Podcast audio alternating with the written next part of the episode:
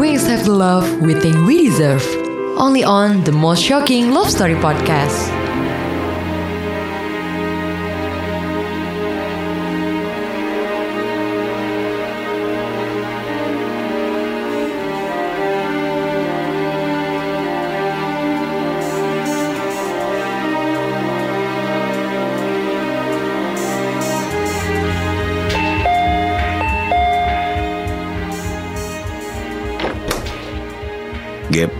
Aku masih boleh ngomong sama kamu?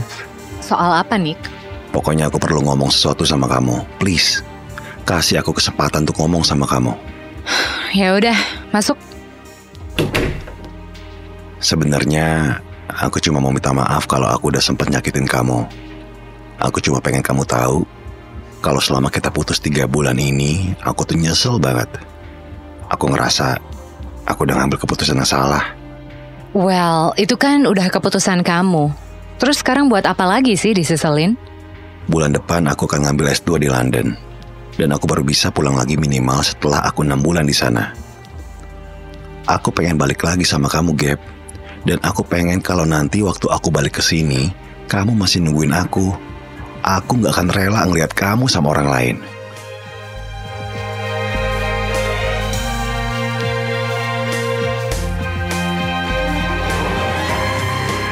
Nama gue Gaby. Umur gue 24 tahun. Gue dan Nico udah pacaran 3 tahun. Kita udah sempat putus selama 3 bulan dan hari ini dia ngedatengin gue lagi untuk minta balik. Alasannya sih karena dia mau nerusin kuliah S2 ke London. Dan dia bilang dia sanggup ngejalanin long distance. Katanya kita akan ketemu lagi 6 bulan setelah dia berangkat. Hubungan kita udah benar-benar cocok dan disetujui oleh keluarga masing-masing. Hmm, penyebab kita putus waktu itu sih sebenarnya masalah kecil. Karena gue orangnya cemburuan. Dan Niko itu tipe cowok yang masih berteman sama mantan-mantannya. Kalau gue, ngapain sih temenan sama mantan? Yang namanya masa lalu, ya udah dong. Gak usah dibawa-bawa lagi ke masa sekarang. Kita sering banget berantem gara-gara Niko masih suka chatting sama mantan-mantannya yang banyak itu. Tapi sebenarnya di luar urusan mantan itu, kita nggak punya masalah lain. Setelah Niko ngajakin gue balikan sebelum dia berangkat ke London, akhirnya gue memutuskan untuk pacaran lagi sama dia. Karena gue juga nggak bisa bohongin diri gue sendiri. Kalau gue masih sayang banget sama dia. Sebulan kemudian, tiba saatnya hari keberangkatan Niko ke London. Gak ada yang ketinggalan kan sayang? Enggak kok, paspor, dokumen-dokumen, semuanya ada. Kamu baik-baik ya sayang ya. Jangan sedih-sedih. Tiap hari kita video call ya. Iya, kamu jangan suntuk-suntuk ya di sana. Jangan suka bete sendiri loh. Kalau bete sih jelas lah. Aku kan jauh dari kamu. Hmm, bisa aja. Jangan genit-genit di sana dan gak usah chatting lagi tuh sama mantan-mantan kamu ya. Enggak lah. Aku udah punya kamu. Kamu percaya kan? Aku nggak akan ngelakuin yang aneh-aneh di belakang kamu. Iya, aku percaya. Sampai ketemu enam bulan lagi ya sayang ya. Tungguin aku ya. We trained to fight. We were in London. Let's do it. Let's break the law.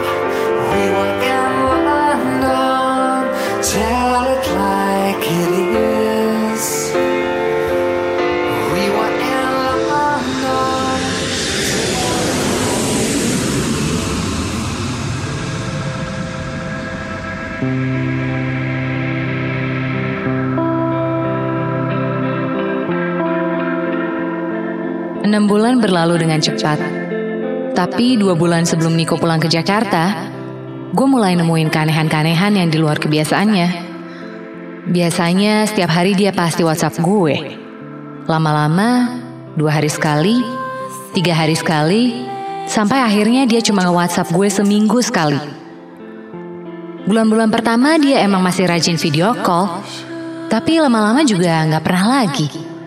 Akhirnya harus selalu gue yang video call atau voice call dia kalau gue benar-benar pengen ngomong sama dia.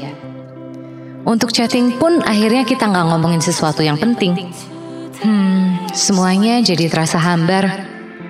Gue jadi ngerasa kayak seolah-olah dia punya kewajiban untuk komunikasi sama gue. Dan gue juga gak berani untuk nanyain kenapa atau apa yang sebenarnya lagi terjadi sama dia. Jujur gue males kalau akhirnya kita malah jadi berantem. Long distance aja udah susah. Masa mau dibuat tambah susah lagi dengan berantem segala? Jadi selama Niko gak cerita apa-apa sama gue, ya gue juga gak mau banyak nanya. Mungkin dia lagi belajar, dan dia udah terlalu sibuk untuk luangin waktu ngobrol sama gue. Nanti ajalah kalau dia udah balik, gue akan tanya tentang semua perubahan sikapnya. Biar gimana juga, kan lebih baik berantem kalau ketemu daripada berantem di telepon. Dua hari sebelum Niko pulang,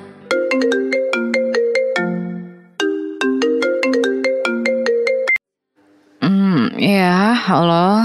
Halo? Kamu lagi tidur ya? Sorry, sorry. Ngebangunin kamu malam-malam. I- iya, iya, nggak, nggak apa-apa sayang. Kamu kenapa? Ada apa? Eh, sebelumnya, maaf banget nih kalau aku harus ngomong kayak gini sekarang. Hmm, kenapa? Kamu gak kenapa-napa kan? Kamu jadi pulang atau enggak? Bukan, bukan, eh, bukan itu. Aku tetap jadi pulang kok dua hari lagi. Terus apa dong? Aku... Aku udah ketemu orang lain, Gap. Ketemu orang lain? Maksud kamu? Iya, aku udah pacaran lagi sama orang lain. Hah? Sejak kapan? Sejak... Dua bulan yang lalu. Dan kamu selama ini gak pernah cerita kalau kamu lagi deket sama orang lain. Terus kok baru bilang sekarang? Aku... Aku cuma nggak mau aja nyakitin kamu lagi. Kamu sadar gak sih? Kalau dengan kamu bohongin aku selama dua bulan ini kamu tuh juga udah nyakitin aku. Gila ya kamu. Kamu udah minta aku nunggu kamu enam bulan. Enam bulan Niko, itu gak sebentar. Kamu juga yang duluan minta balik setelah dulu kita putus. Ingat gak sih kamu tuh nge-please dulu sama aku. Sekarang tiba-tiba kamu ada yang lain. Kamu tuh maunya apa sih sebenarnya? Aku bener-bener minta maaf, Gap. Maafin aku ya. Maafin kalau selama ini aku belum berani untuk ngakuin ini sama kamu. Aduh, udah Nik. Gila ya, aku tuh nggak butuh lagi dengerin omongan kamu. Bullshit semua. Aku sama kamu itu buang-buang waktu doang. That's it. We're done.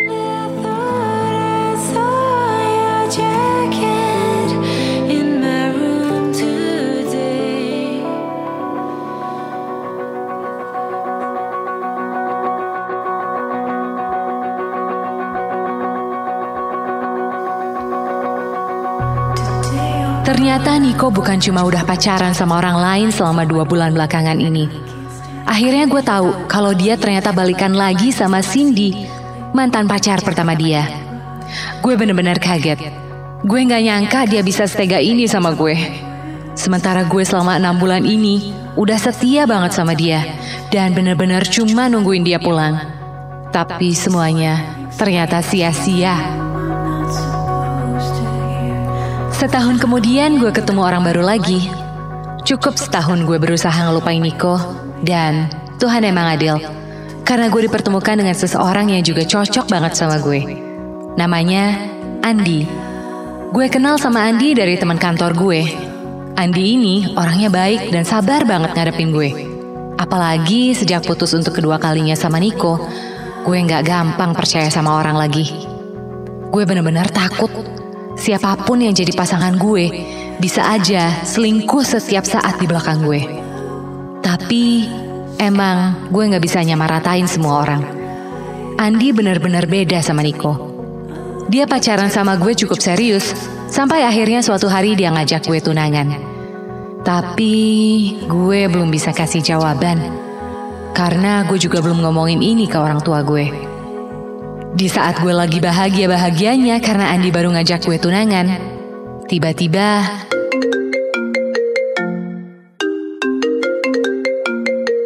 Halo, Halo? Gaby? iya, siapa ya?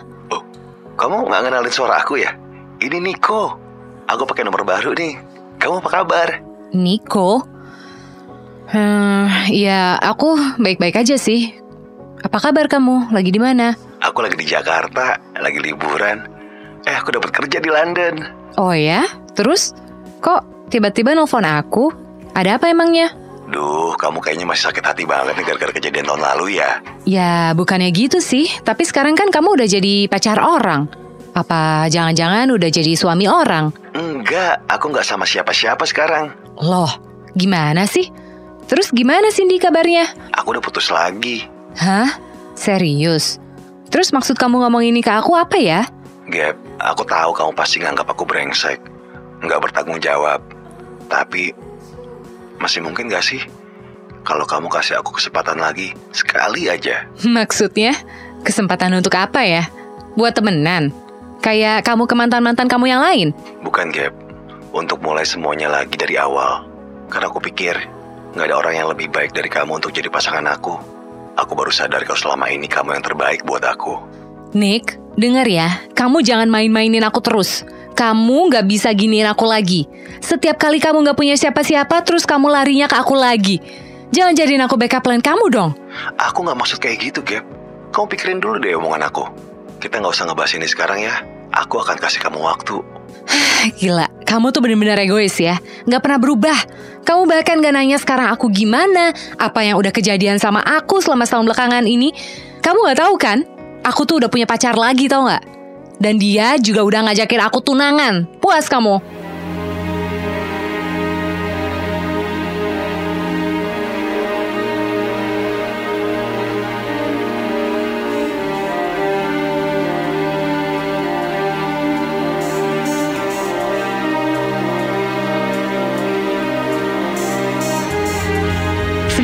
Setelah Niko nelfon gue lagi, akhirnya gue ngomong ke nyokap gue tentang Andi yang ngajak gue tunangan. Dan gue omongin juga tentang Niko yang ngajak gue balikan. Gue kaget banget, karena ternyata nyokap gue lebih ngebelain Niko daripada Andi. Dia bilang, meskipun Andi baik banget, tapi gue baru kenal dia 6 bulan sejak gue putus sama Niko. Sedangkan gue dan Niko udah sempat pacaran 3 tahun. Nyokap gue bilang Niko emang udah pernah selingkuh, tapi dia berani mengakuinya.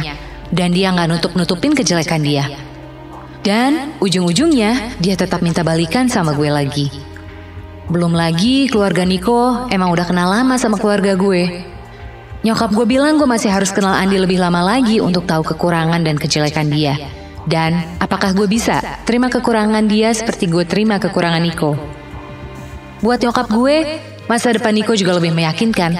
Soalnya dia lulusan luar negeri dan udah dapat kerjaan di London.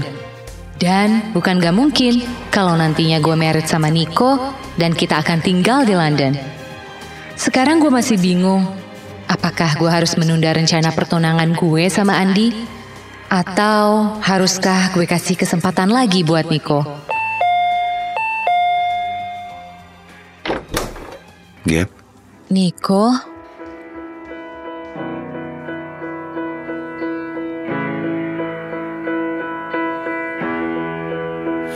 First you look so strong,